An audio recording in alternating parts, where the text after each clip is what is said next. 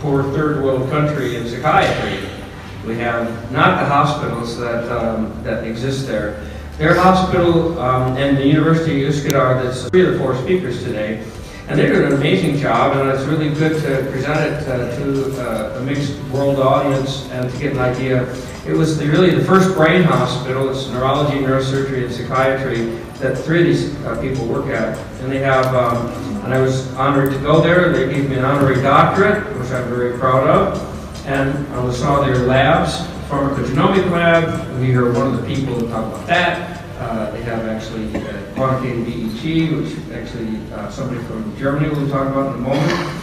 And also they have pharmaco uh, uh, therapeutic blood levels and uh, various neuromodulation. I looked and thought, God, I wish I would have one of these hospitals like this in San Diego. This is amazing.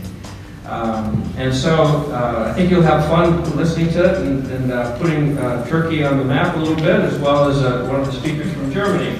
So overall, we're going to talk about precision medicine, and uh, the first speaker is uh, Dr. Nevin Dilbaz, who's a good friend of mine now over the years. She's been very gracious and, and helpful, and she's going to talk to us about the use of precision medicine in addiction treatment.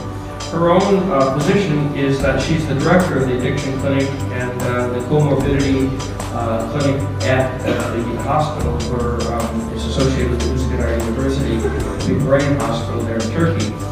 So I think you'll uh, enjoy this and learn some cutting edge stuff. And this is really a great laboratory, this hospital essentially is a, is a form of laboratory in implementing some of these cutting edge technologies which um, I think they're ahead of us in doing in Turkey. So Dr. Dilbaz, come on up here. She's going to speak on, again, the use of precision medicine in addiction treatment. It's the tailoring healthcare to the individual by integrating data from their genetic, epigenetic modifications, other biomarkers, especially clinical symptoms and environmental exposure.